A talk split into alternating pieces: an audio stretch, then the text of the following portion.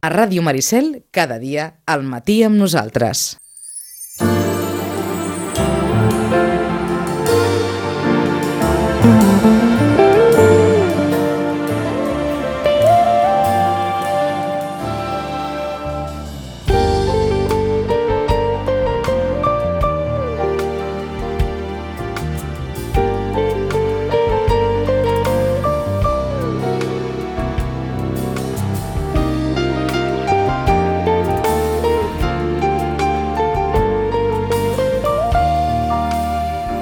Deu i 11 del matí, eh, benvinguts a una nova hora d'Europa, l'hora d'Europa d'aquest eh, mes de maig. Mira, ara, ara ens arriba.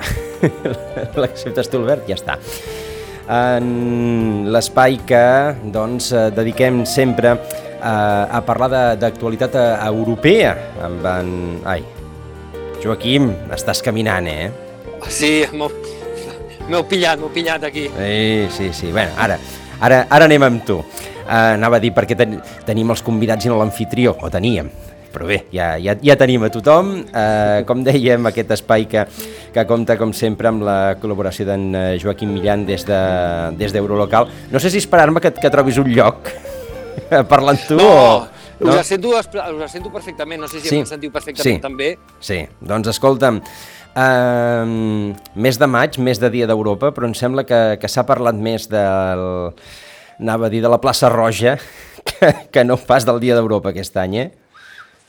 Bueno, han hagut dos discursos, no? Va haver-hi el discurs de la von der Leyen el mateix 9 de maig eh, explicant eh, el que Europa era molt més que tancs, que Europa era democràcia, que Europa era ordre, que Europa era solidaritat, que Europa era moltes coses que tenen a veure amb aquests valors fundacionals i altres valors que poder als últims temps eh, estaven una mica, no en desús, però que no estaven a sobre la taula i que en aquests moments de tots trobem, els trobàvem a faltar i els hem tornat a reivindicar, que penso que és molt important. I després teníem un altre discurs a l'altra banda, com tu deies molt bé, del senyor Vladimir Putin, que feia un discurs eh, una mica eh, a conseqüència de la seva celebració de la, bueno, del final de la Segona Guerra Mundial i, per tant, de, de també la seva participació quan van guanyar, però també reivindicant i, evidentment, eh, contextualitzant-ho en aquests moments, doncs també reivindicant eh, la, diguéssim, la, la, la invasió, justificant, argumentant aquesta invasió que per nosaltres, evidentment, no només és una invasió, sinó que suposa una guerra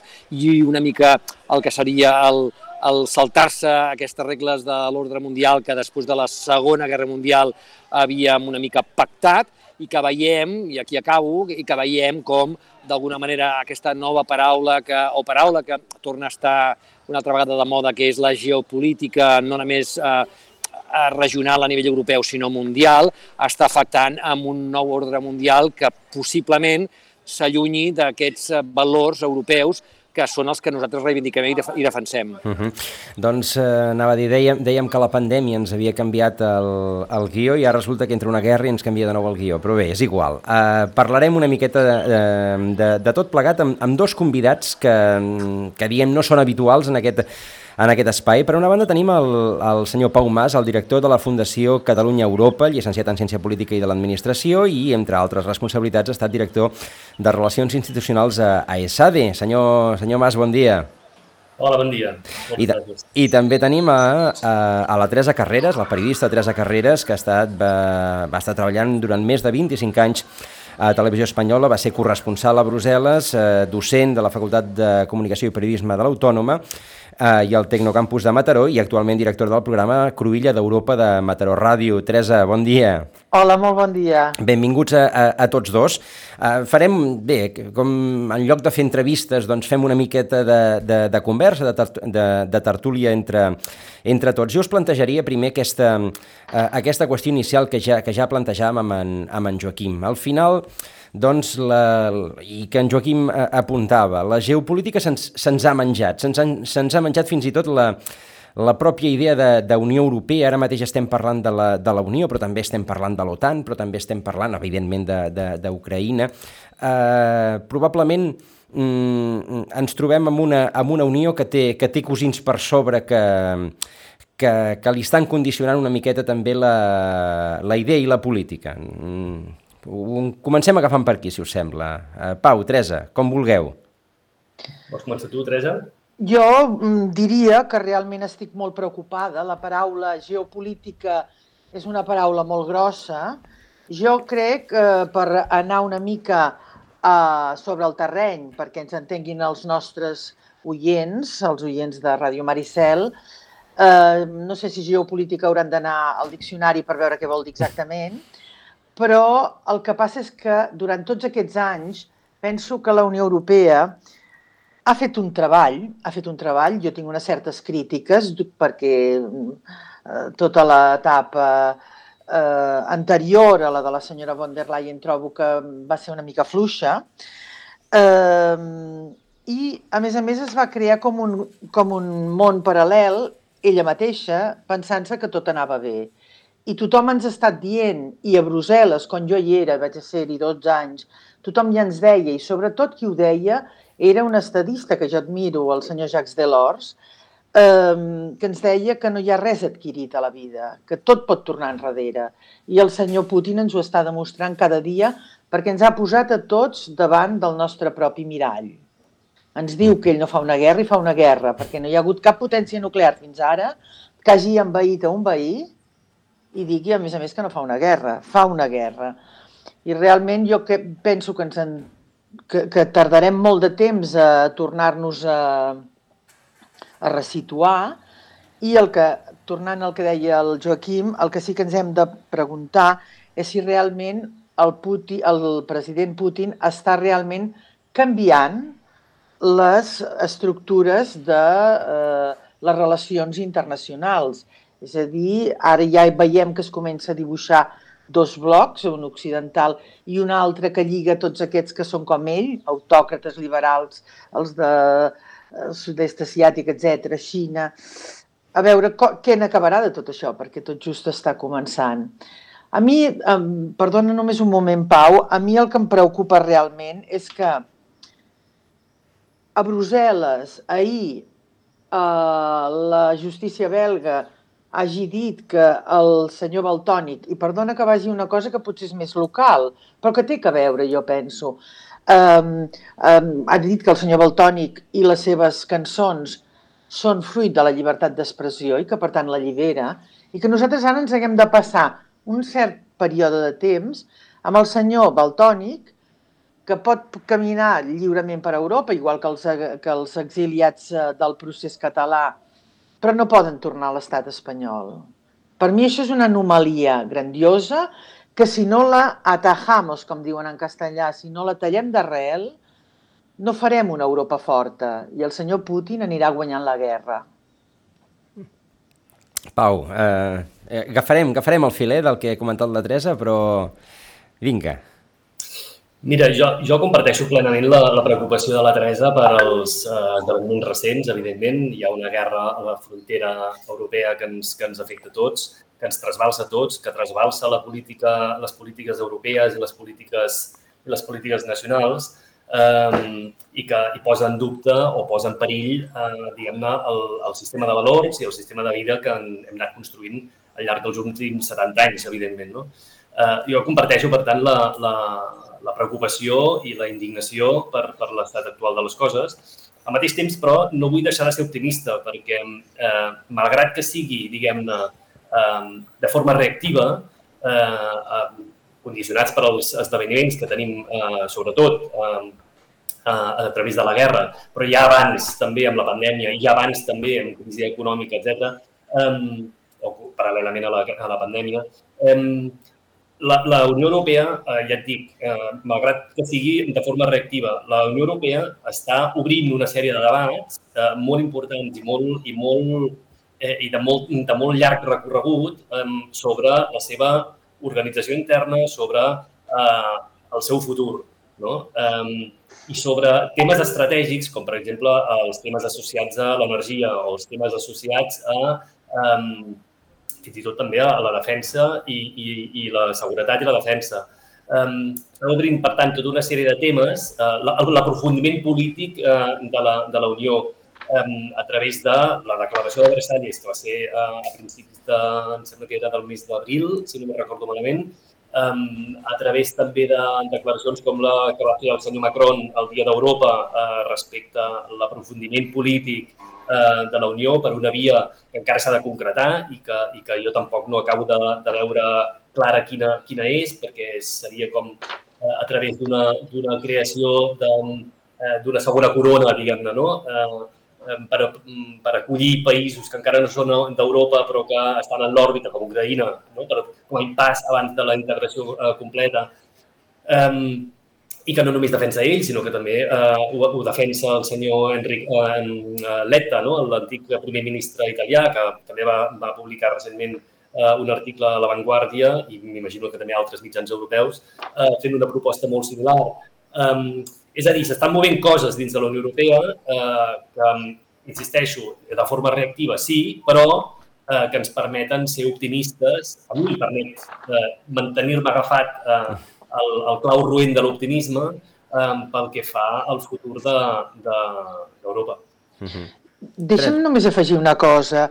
Estic d'acord amb el que tu dius. Jo sóc optimista. Jo realment crec que l'Europa que ens hem donat és la bona Europa, l'Europa dels valors, com tu deies, però jo discreparia amb el fet de que estem parlant de seguretat i defensa. D'això és del que teníem que haver parlat fa molt temps, però malauradament, des del meu punt de vista, cada vegada que s'havia fet un intent sempre havia quedat tapat i no s'havia eh, engegat mai de veritat.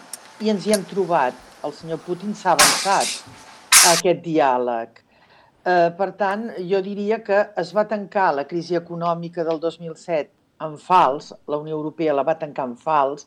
Com jo deia que particularment no estava gens contenta de tota la comissió Juncker i precisament el que feia, el que es va fer des de les institucions per tancar aquesta crisi, penso que no va afavorir a les classes més vulnerables, que és un dels valors de la Unió Europea, Eh, I ens hem trobat aquí. Eh, com que estàvem en una bombolla, que en dic jo, eh, ens pensàvem que això de la seguretat no ho hauríem de fer mai. I nosaltres avui mateix hem d'ajudar els ucranians, que són els agredits, i això no implica no treballar per la pau. Però per la pau teníem que haver treballat ja quan el senyor Juncker era president de la Comissió Europea i realment ell mateix eh, ens parlava de, del gas, del no sé què. Sí, sí, l'Europa econòmica la vam tirar endavant, però fixa't ara, en som presoners d'aquesta Europa econòmica, perquè depenem del Putin. Vull dir que jo crec que ens hauríem de fer potser alguna crítica eh, i tirar endavant, perquè els valors de la Unió Europea són eh, bàsics i els hem de seguir, és clar que sí. Són el, són el final, són, són el món, són la vida. Ara, no en tenim un pla B. Ara, anava a dir, ara, ara toca, eh, anava a dir, apurar amb la, amb la qüestió de defensa, que és una qüestió que la Unió Europea no s'havia plantejat mai, perquè doncs, havia, havia anat cap a, cap a d'altres qüestions, i en canvi aquesta, diguem, com, com ja hi havia l'OTAN, encara que no tots els països de la, de la Unió són membres de, de l'OTAN, eh, doncs ja, ja ho donaven per bo Bueno, jo, jo crec que, a més a més, aquí hi ha una prèvia, eh, Joan, si em permets, que volia una mica afegir el que deia la Teresa, que estic d'acord. Clar, jo crec que eh, el, el, el conflicte actual evidencia dos fracassos. Un fracàs diplomàtic europeu que de no previsió i també d'anar allargant el tema amb Ucraïna fins que esclata el tema que ens estaven avisant des d'altres àmbits com als eh, Estats Units, cuidado, que això pot arribar a passar. Sí, sí. Nosaltres vivíem amb aquest happy land que dic jo, pensant que això no passaria, i, eh, ostres, quan ha passat ens ha agafat una mica de sorpresa, que a vegades els americans deuen pensar que aquests europeus són molt infantils. Ara, eh, sorpresos que passés això quan es veia venir que això era una possibilitat i una possibilitat real. De fet, avui és una realitat. I el segon tema, que va lligat una mica amb el que tu deies del Juncker, i també aquí jo posaria Alemanya, Alemanya, que moltes vegades ha estat i és el motor europeu, no podem permetre que el motor europeu estigui pillat per també un altre fracàs de lo que en diem l'estratègia energètica europea. Si Clar. un fracàs, i ara ho veiem, estem pillats, però és que, a més, el nostre motor econòmic, que és Alemanya, que hem apostat per Alemanya, perquè, evidentment, era, diguéssim, la, la, la màquina, sempre dit, és la màquina que tira, i per tant, ostres, eh, fantàstics que Europa tingués una màquina com Alemanya, però que aquí a l'estratègia eh, eh, energètica europea que ha passat moltes vegades per decisions d'Alemanya. Veiem una mica l'ex-canciller Schroeder on, on, on, on va acabar després, eh, treballant.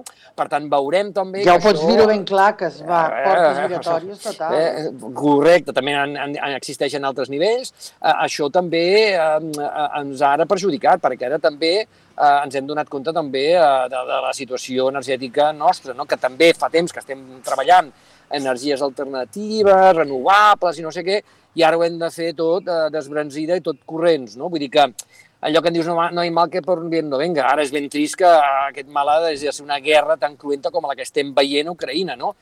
que sempre Europa ha anat avançant a base de crisis, però clar, aquesta crisi té costos humans, no només són calés, eh? no, no ens estem jugant no, només no. diners, ens estem jugant vides i ens estem jugant allò que poder també ens va sorprendre amb la nova eh, comissió quan parlàvem de com dels eixos era l'estil de vida europeu que hem de defensar. Sí, bueno, eh, I tothom pensava en l'estil de vida benestant, però bueno, no, no, l'estil de vida també és l'estil de vida basat en valors.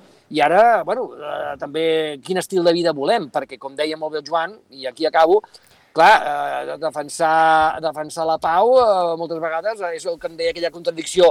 Hem de lluitar per defensar la pau, no? I amb això els europeus, ostres, ens costa assimilar aquests conceptes contradictoris de que per preservar la pau l'hem de, de lluitar, no? Clar, jo no, a mi no em costa gens defensar-ho perquè ho he defensat en aquí, a Ràdio Maricel, i sempre que puc, en el Cruïlla d'Europa, a mi em sembla que no, que no, que hem de ser valents. Ara bé, eh, la Unió Europea no s'ocupa gaire, gaire, de les polítiques d'educació. Aquí ens estem barallant per si el 25, per si el 40, per si el no sé què, de català, etc. I tot això, a Brussel·les, mmm, no he sentit encara cap responsable jo que en parli. Sí, per tant, de... què vol dir això? Vol dir que la política de pau s'ha de prendre des de la base, i això s'ha de prendre a les escoles. I, per tant, i després l'han de fer els polítics, evidentment, però si això no es posa, no sé, jo crec que anem, jo crec que anem fluixos, francament. De, de, de fet, Teresa, eh, ara probablement és un, és un mal moment per, en, per entrar determinats temes a, a l'agenda i és difícil quan toca doncs eh, entrar ara a temes com el que has comentat abans del Baltoni, com el tema aquest de, de la qüestió de, de la llengua, no, gairebé de Pegasus, però bé, com Pegasus al final el Parlament Europeu sí que, sí que ha fet una, una comissió d'investigació, doncs aquest, aquest encara entraria, però, però, la, però va entrar per Hongria i per, i per Polònia, no per Espanya. Espanya es va sí, incorporar... Sí eh, eh, més tard. I al final, doncs, eh, ara l'agenda l'està marcant la, la crisi eh, ucraniana i, i, i d'aquí no sortim. A, par, a partir del que heu comentat, ahir, eh, sembla que era ahir, llegia una, una piulada de, de Gary Kasparov, de, de l'excampion de, de, del món d'escacs, que, que és molt actiu a les, eh, a les xarxes, que deia una cosa així com dic de memòria, eh? eh Europa no s'ha de plantejar el cost de les, de les armes que està enviant cap a Ucraïna, sinó el cost de les vides amb el que els ucraïnesos estan eh, defensant la, la realitat europea. Sí. Una cosa així, deia. Uh mhm. -huh. Pau, em sembla... Et tenim callat. No, no, no, estava escoltant amb molta, amb molta atenció. Um, efectivament, o sigui, aquest, aquest, uh, aquesta reflexió és, és impecable, és, és absolutament uh, impecable.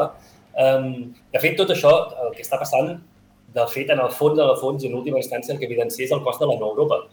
És a dir, ara estem parlant de, de, de la política energètica deficient d'Europa.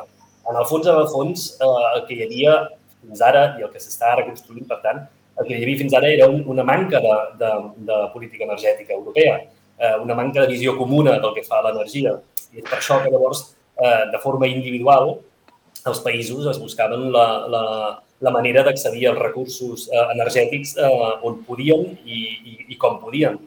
I això també fa que, aleshores, Alemanya, en un moment determinat, pregui la decisió de girar el cap cap a Rússia i eh, fer servir la seva política energètica nacional també com una via, en el fons, de pacificació de relacions amb, amb, amb Rússia. És a dir, que ex post és molt, és molt fàcil, i no, no és cap crítica al que heu dit, eh, perquè teniu raó en el fons, però, però és fàcil, diguem-ne, fer una crítica ex post eh, al, al, al passat ara som molt més eh, intel·ligents que abans, tenim molta més informació que abans, han passat moltes més coses eh, dels que havien passat abans i, per tant, veiem que això va ser erroni. Però en el seu moment, mm, optar per eh, recórrer a Rússia eh, en busca d'energia barata i d'aquesta manera també pacificar unes relacions eh, que podien ser tenses després de la caiguda del mur, justament també perquè estava avançant la OTAN cap a, cap a l'est i, per tant, hi havia tota una sèrie de condicionants geopolítics també que eh, afectaven, podien afectar negativament, com s'ha vist, a més a més, eh, les relacions eh, amb Rússia, eh, fer, prendre aquesta decisió eh, descabellat del tot tampoc no era. Eh, S'ha vist que és erroni, sí, però en el seu moment tenia la seva racional, diguem-ne, no? i tenia el seu, la, seu, la seva raó de ser. A mi em sembla que el que caldria és fer una crítica important al que era l'eix franco-alemany, perquè, eh, Pau, jo, tu dius que no teníem una visió comuna de l'estratègia energètica. És veritat, no teníem una visió comuna, però Alemanya sí que tenia una visió comuna, perquè Alemanya, durant tots aquests anys, ha anat enfortint els seus llans, llaços amb Rússia, precisament pel tema de l'energia. Uh -huh. Vull dir que... Alemanya, si m'ho permets, Teresa, Teníem... Si m'ho permets, Teresa, eh, per apuntar i per, i per afegir amb el que estàs comentant, eh, eh, Alemanya va decidir, a, a partir de la catàstrofe de Fukushima, tancar les seves nuclears. I Sí. aleshores això la va fer més dependent d'altres d'altres fonts d'energia. Ja està, només era, era aquest apunt. No, no, és que tens tota la raó. El que passa és que si, de, si això s'hagués explicat bé, probablement alguns altres també hi haurien apostat per aquesta cosa que tu dius, Joan, que és que ho dius meravellosament bé, però no va donar una alternativa i no va dir eh, anem per l'energia eòlica, anem per l'energia solar, perquè jo vaig estar a Brussel·les ja fa bastants anys, el 89, 90, tots els 90, que va ser una època interessant, una, una època molt interessant. Però després he tingut aquesta sensació de que tot quedava molt paralitzat, saps? I d'aquella època, jo el que sí que vull dir és que no, no, no, no n'hem tret una idea clara doncs com per anar siguent autosuficients. Aleshores, ja parlàvem de sostenibilitat. Jo quan el meu fill ve a casa i em diu he de fer un treball sobre la sostenibilitat, doncs jo ja sé de què va això. Però va ser un, un, uns conceptes que es movien a Brussel·les, a la comissió, al Parlament, etc, però que no, no donaven mai res, no, no, no anaven mai enlloc. I jo, quan sento ara que s'està parlant d'això, sí que em sento també per la implicació que jo en tinc com a periodista que en aquells moments cobria eh, les institucions europees i que continuo fent la informació europea, haver-hi prestat poca atenció. M'agrada ser crítica amb mi mateixa i amb la meva feina. I, i penso que va ser així. Um, a partir, a partir d'aquest fil que, que estem estirant, um, venim de dos anys de, de pandèmia, en aquests dos anys de pandèmia es va aprovar un pla de recuperació, un pla de recuperació amb els fons Next Generation, eh, uns fons que a més a més eh, apostaven per una inversió importantíssima en energies renovables, energia verda, és a dir, que de cop i volta ens trobem que hem de fer una inversió en, en unes energies que si ja les haguéssim tingut probablement no tindríem aquesta dependència de- d'allà. És a dir, hem fet tard. Bàsicament hem I fet tant. tard. Jo sí que crec que hem fet tard, perquè, perquè ara mateix l'altre dia sentia, eh, per exemple, la presidenta de la comissió va venir aquí i ens va parlar de l'hidrogen verd. Eh? Ah, sí, que hi ha l'hidrogen gris, l'hidrogen verd, Sí, hi, hi ha tres exacte. hidrògens, sí, sí, és veritat. I jo estava fent en aquell moment un reportatge important sobre les estacions d'esquí i la seva reconversió cap a un, cap a una, un, model més sostenible i els hi vaig preguntar què els hi semblava l'hidrogen verd. A la Molina, a la Masella, a Astun, a una estació de, del País Basc, d'Euskadi, i no sabien exa encara exactament què és l'hidrogen verd. I llavors jo em pregunto, Mm, jo em vaig quedar esturada perquè vaig dir com pot venir la presidenta de la comissió aquí a dins que Catalunya pot ser un, un punt important per l'hidrogen verd i ni les autoritats eh, locals ni les espanyoles no sabem molt bé què és l'hidrogen verd. Vull dir que sempre, Joan, tu, tu saps uh -huh. com tu molt bé has dit, anem fora d'hora, anem tard. Sí. Efectivament, Bueno, bueno, bueno, si més no, m'ha agradat, eh, perdona Pau, eh, si més no m'ha agradat No, que has no. rectificat perquè abans hem dit fem tard, ara com a mínim anem, anem tard, amb la qual de fem tard anem tard hi ha un marge que encara podem, eh, uh, sí, home, tinguem un moment d'esperança Optimista, per poder dir Joaquim. encara podem, encara podem. Optimista, Joaquim. Sí, sí, Sí, és que ho hem encara, de que ser. sigui, encara que sigui agafat allò que dius, eh, pel marge, però, home, eh, és que si no és molt trist, eh, perquè si fem tard, després de tants anys, com dius tu molt bé, eh, parlàvem de, de desenvolupament sostenible als anys 90.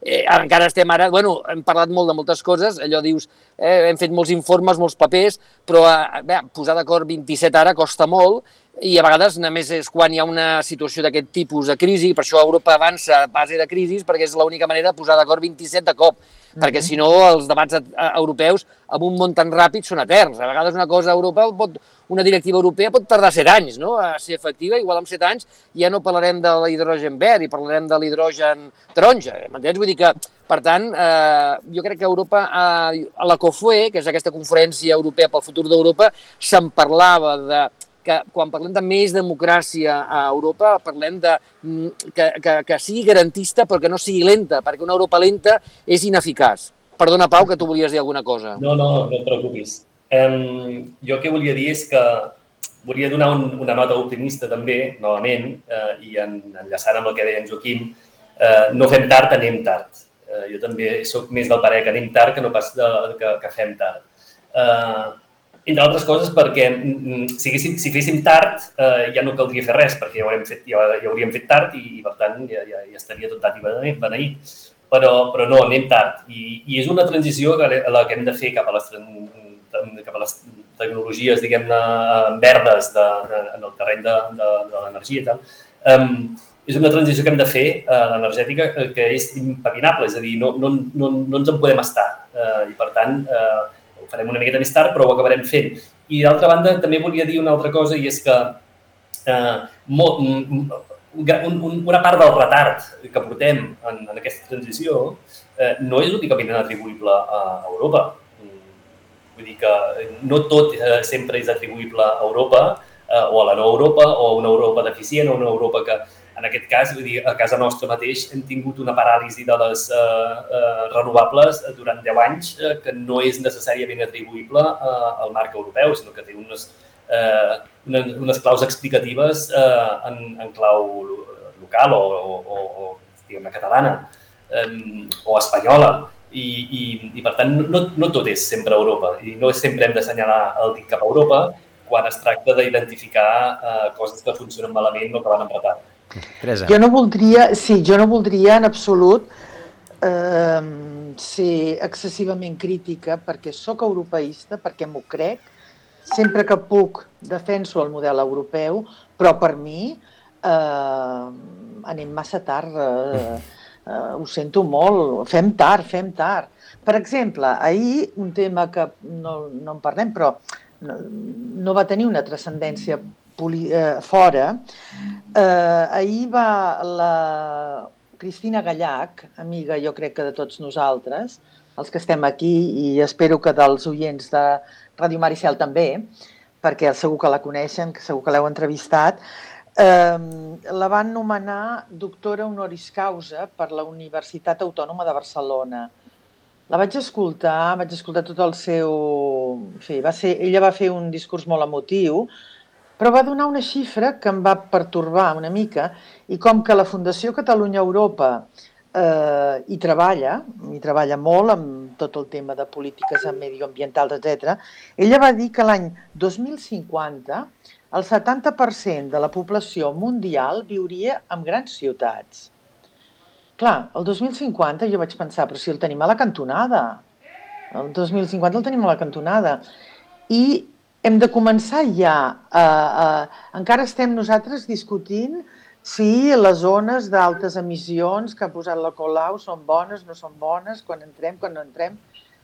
I tot això és un mateix paquet.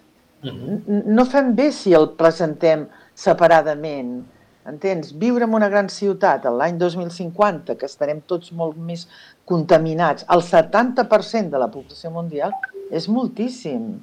I jo el que em plantejo és per què des de la Unió Europea eh, no cal dir totes les coses dolentes, però sí que des de la Unió Europea s'intervingui més. Ens falten polítiques europees, ens falta la construcció de l'Europa política. Això amb el Joaquim ho hem parlat moltes vegades i per mi és que és, hem d'anar cap aquí i hem d'anar ràpid, perquè la justícia lenta no és justa. Una justícia. L'Europa lenta, com deia ara mateix el Joaquim, tampoc ho és. Uh -huh. Pau. Perdoneu. Sí, no, jo volia dir uh, dues coses respecte al que deia la Teresa. Uh, que s'ha d'anar cap a l'Europa política és, és evident, és urgent, és uh, indispensable, uh, però hi ha dues grans uh, coses, diguem-ne, que, que, que obstrueixen el, el camí. Un és que l'Europa política vol eh, generositat per part dels estats pel que fa a la sessió de sobirania. Uh -huh. Això significa eh, polítiques que no estiguin subjectes de la unanimitat, sinó que eh, funcioni per majories. Això, en alguns àmbits de, de decisió, és una, és una quimera. Eh, ens agradi o no ens agradi, diguem-ne, no? Amb la qual cosa, eh, anar cap a l'Europa política mm, o sigui, és, és, és urgent pel que fa a la necessitat, eh, Mm, és impossible perquè fa, pel que fa a l'urgència, amb la qual cosa és un triangle, diguem-ne, de, mal, de, mal, de mal fer. No? Um, I tot i així estic d'acord. Eh?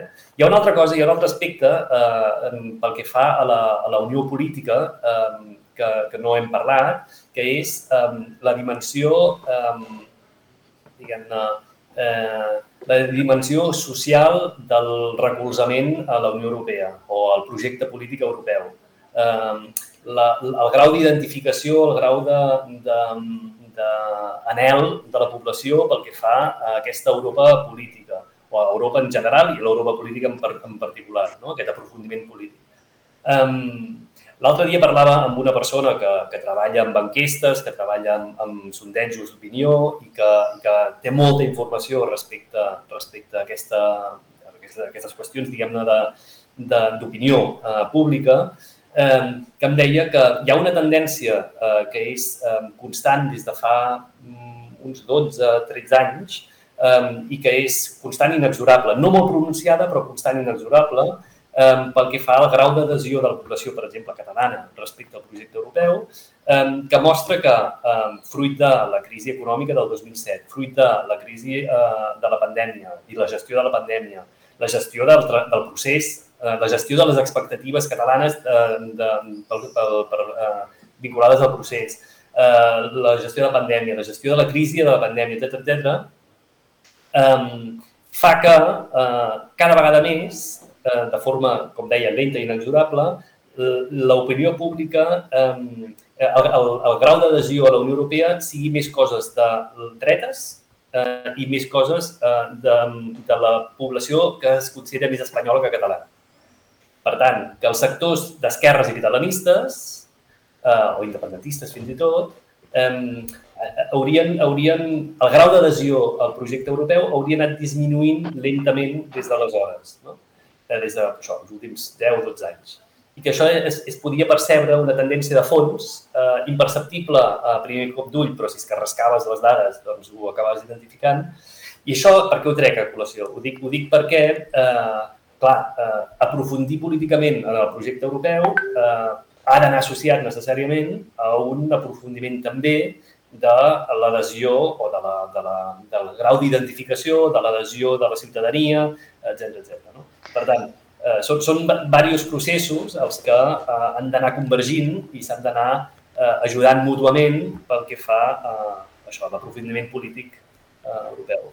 Sí, sí, si ja no era fàcil eh, abans de que hi hagués una pandèmia en, entendre aquesta, aquesta Europa, després d'una pandèmia, enmig d'una guerra, amb altres, eh, amb altres institucions, havent passat aquesta crisi del procés que hem passat aquí, eh, tot, tot eh, encara doncs, es fa a nivell, a nivell ciutadà més difícil de comprendre i més si, si nosaltres mateixos, que teòricament ja, ja entenem una miqueta més de com va, de com va la història, mmm, ja ens costa, doncs clar, això traspassat a nivell de carrer probablement, i és la reflexió que, que, que ara ens feia en Pau, mm, eh, es, fa, es fa més difícil. I més doncs, si s'han generat, entenem també una sèrie d'expectatives que no, és que Europa això ho entendran i Europa això ho han de Mm, i que lliga... Se'ns ha congelat la Teresa, no sé si la, si la tenim congelada fa, fa una estona. No, no, jo ah, no. perfectament. Ah, ah perfecte. Jo, jo... És que veiem la imatge congelada, però si ets, perfecte. Sí, doncs, sí, sí. Uh, Joaquim... Jo volia afegir una cosa al que ha dit el Pau, si és possible, Joan. Jo també.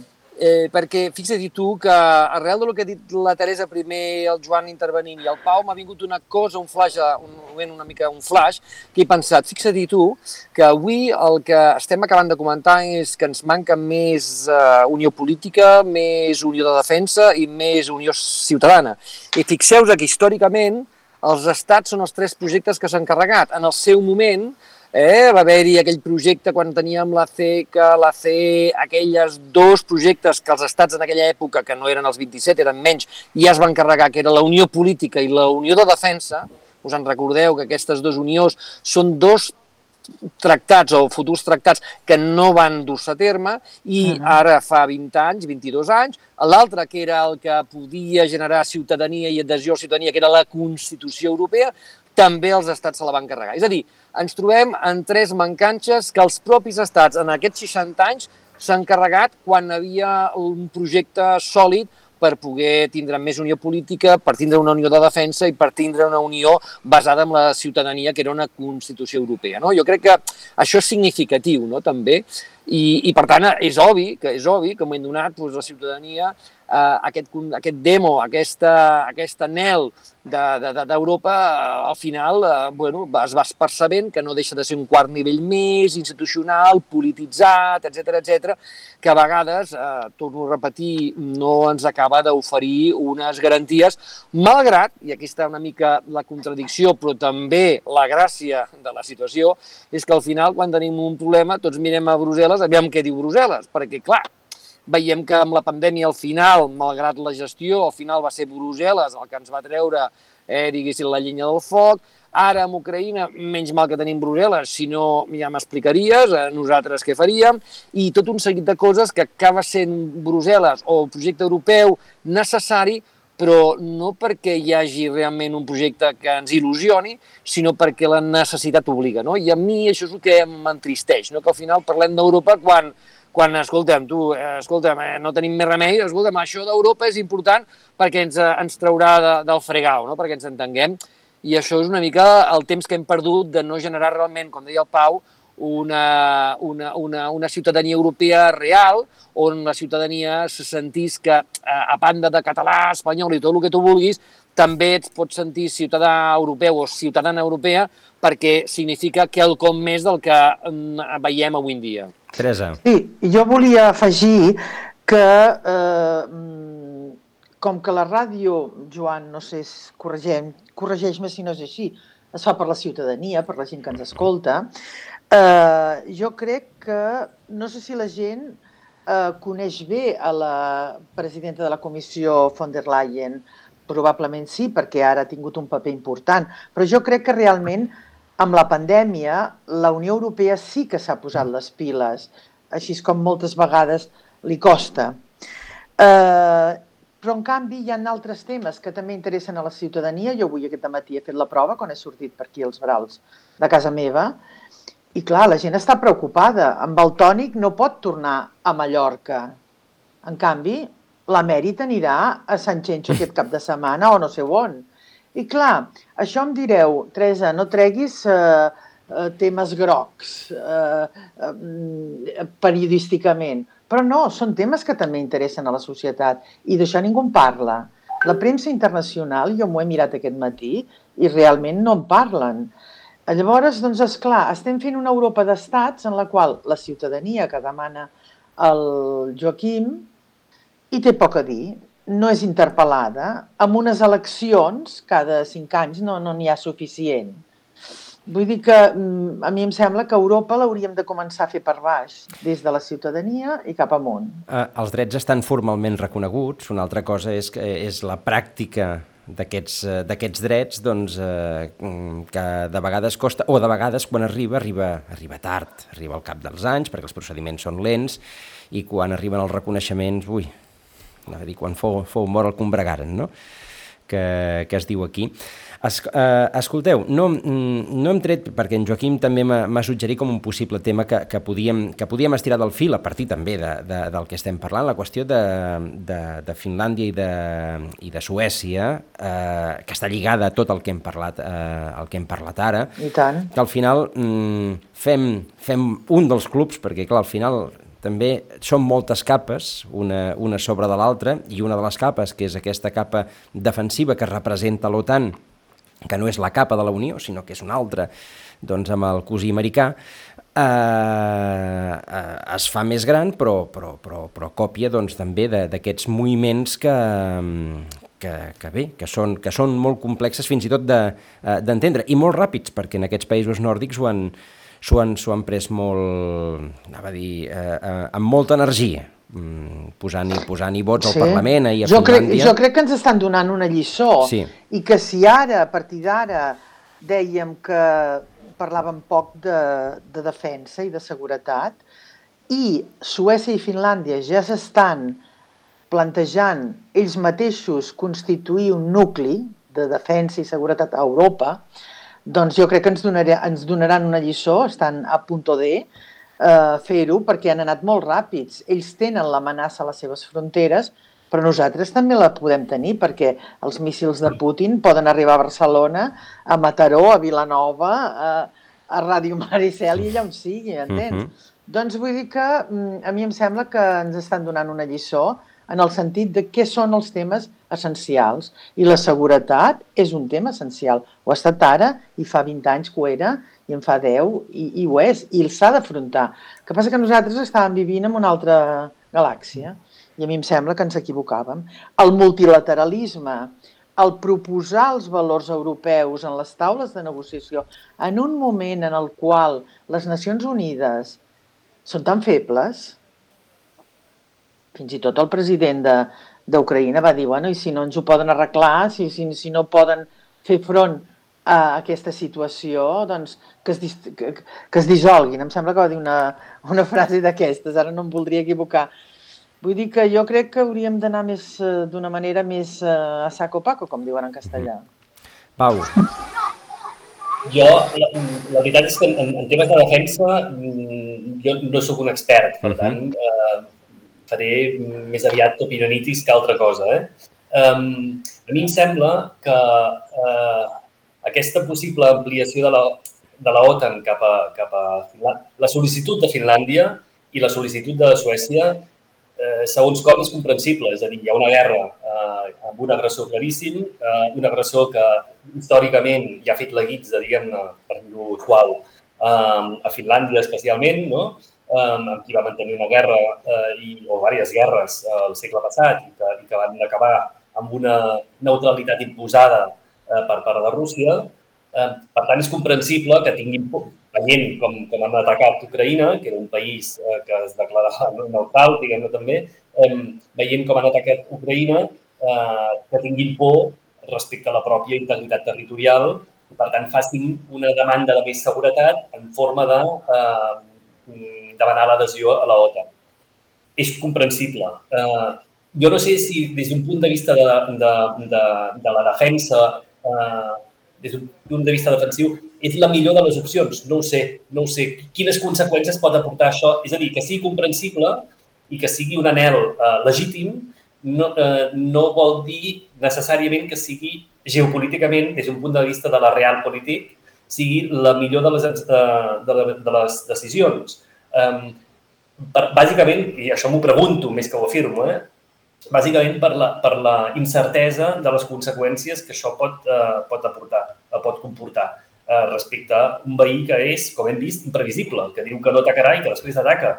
I si, a més a més, resulta que Finlàndia acull armament o infraestructura militar de la OTAN, no sé què pot passar, no sé què pot passar. I per tant... Sí que ho saps què pot passar, ho eh? sabem tots. Ho sabem tots què pot passar. Doncs justament, més a mi favor, diguem-ne. Aleshores, que hi hagi un anel legítim de més seguretat no significa necessàriament que aquesta seguretat hagi de passar per una adhesió a la OTAN, que hagi de militaritzar la frontera de 1.300 quilòmetres que hi ha amb Rússia i que, i que vull dir que això no, no, no sé per on s'ha de, per on s'ha de solucionar aquest anel de més, eh, de més seguretat per part de, la, de Finlàndia.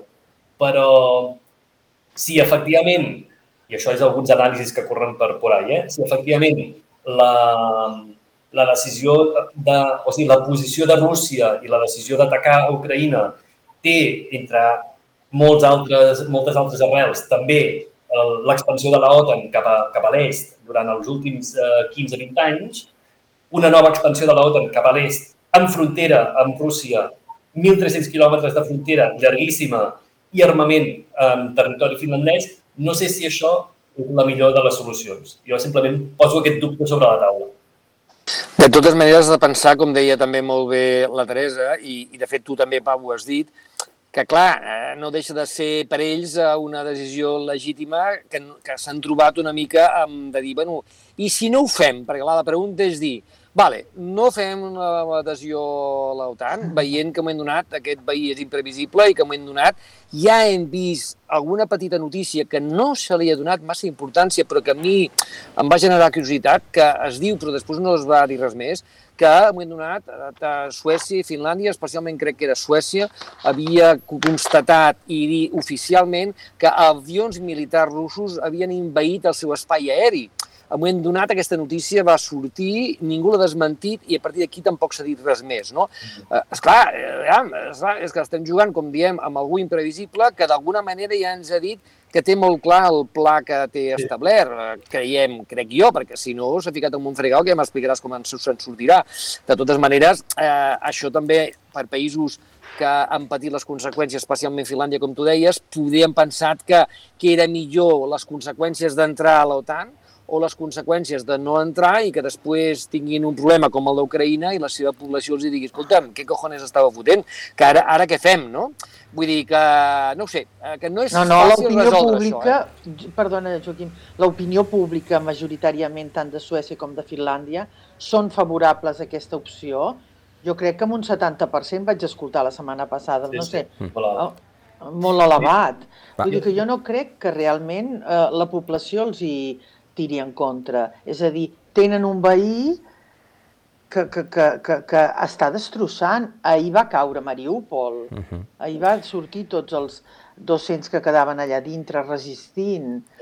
Mm, a mi em sembla que hem de treballar per la pau, però hem, ajudar, hem d'ajudar els ucraïnesos i que això no és una cosa contradictòria. Vaig escoltar l'altre dia amb un senyor que jo tindré la dimarts que ve en el Cruïlla d'Europa, que és el, general em sembla que és o tinent, jo no soc gaire fort amb, amb exèrcits, eh, que es diu Enrique Ayala, que és de la Fundació Alternatives, que serà el meu programa, i realment ell ho defensa, això. I jo personalment hi estic d'acord, i com a periodista he de plantejar totes les opcions, uh mhm. -huh. perquè quedi ben, eh, ben contraposat. Pau, que volies matisar. Un, un mm. matís eh, respecte al, al debat que estem tenint, que és que ara ens estem plantejant si Finlàndia hauria d'entrar o no hauria d'entrar a la OTAN la OTAN no és la Unió Europea.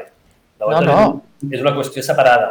Per tant, um, també té a veure, eminentment té a veure amb la defensa dels països europeus, d'aquells països europeus que formen part, um, però no és sinònim de la Unió Europea. Amb la qual cosa, el debat sobre uh, seguretat i defensa al si de la Unió Europea l'estem esquivant amb aquest debat sobre la OTAN.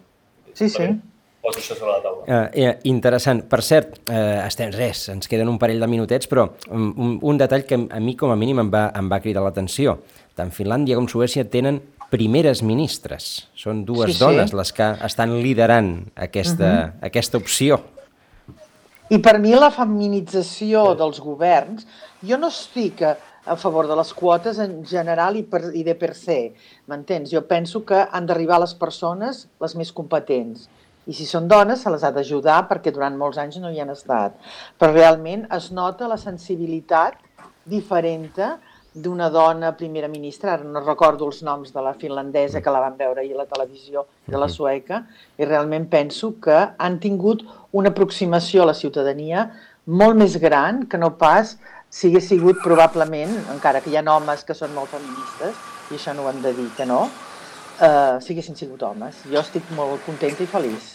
Doncs eh, hem arribat a les, eh, a les 11. Eh, res, una miqueta hem fet, hem fet aquest, eh, aquest repàs una miqueta anàrquic en plantejament, però entenc que interessant en, eh, en resultats. Amb la Teresa Carreras, amb en Pau Mas. Moltíssimes gràcies a, a tots dos per haver-nos acompanyat aquesta, aquesta estoneta. Evidentment, ja queda bacallà per tallar. Eh? I tant. O sigui que no, eh? Sí. O com deia, com deia el portaveu del PNB, queda tela por cortar, quan va sortir d'aquella Ah, comissió de, de secrets oficials. Eh, moltes gràcies, com, de, com dic, a, a tots dos. Eh, us esperem doncs, en una altra vegada que us convidi en Joaquim. Joaquim, merci també. Ara te m'has congelat tu. Sí, Hola? ara s'ha congelat. Ostres, s'ha congelat del tot, Bueno. del tot s'ha congelat bé. Doncs el donem per acomiadat, ens ha arribat com ens ha arribat i Molt ens bé, plega Joan, així. Gràcies Moltíssim... a tu, gràcies al Joaquim i un plaer coincidir amb el Pau Mas. Doncs, Moltes gràcies a tots. molt bé, gràcies i fins una altra. Fins Fins una altra.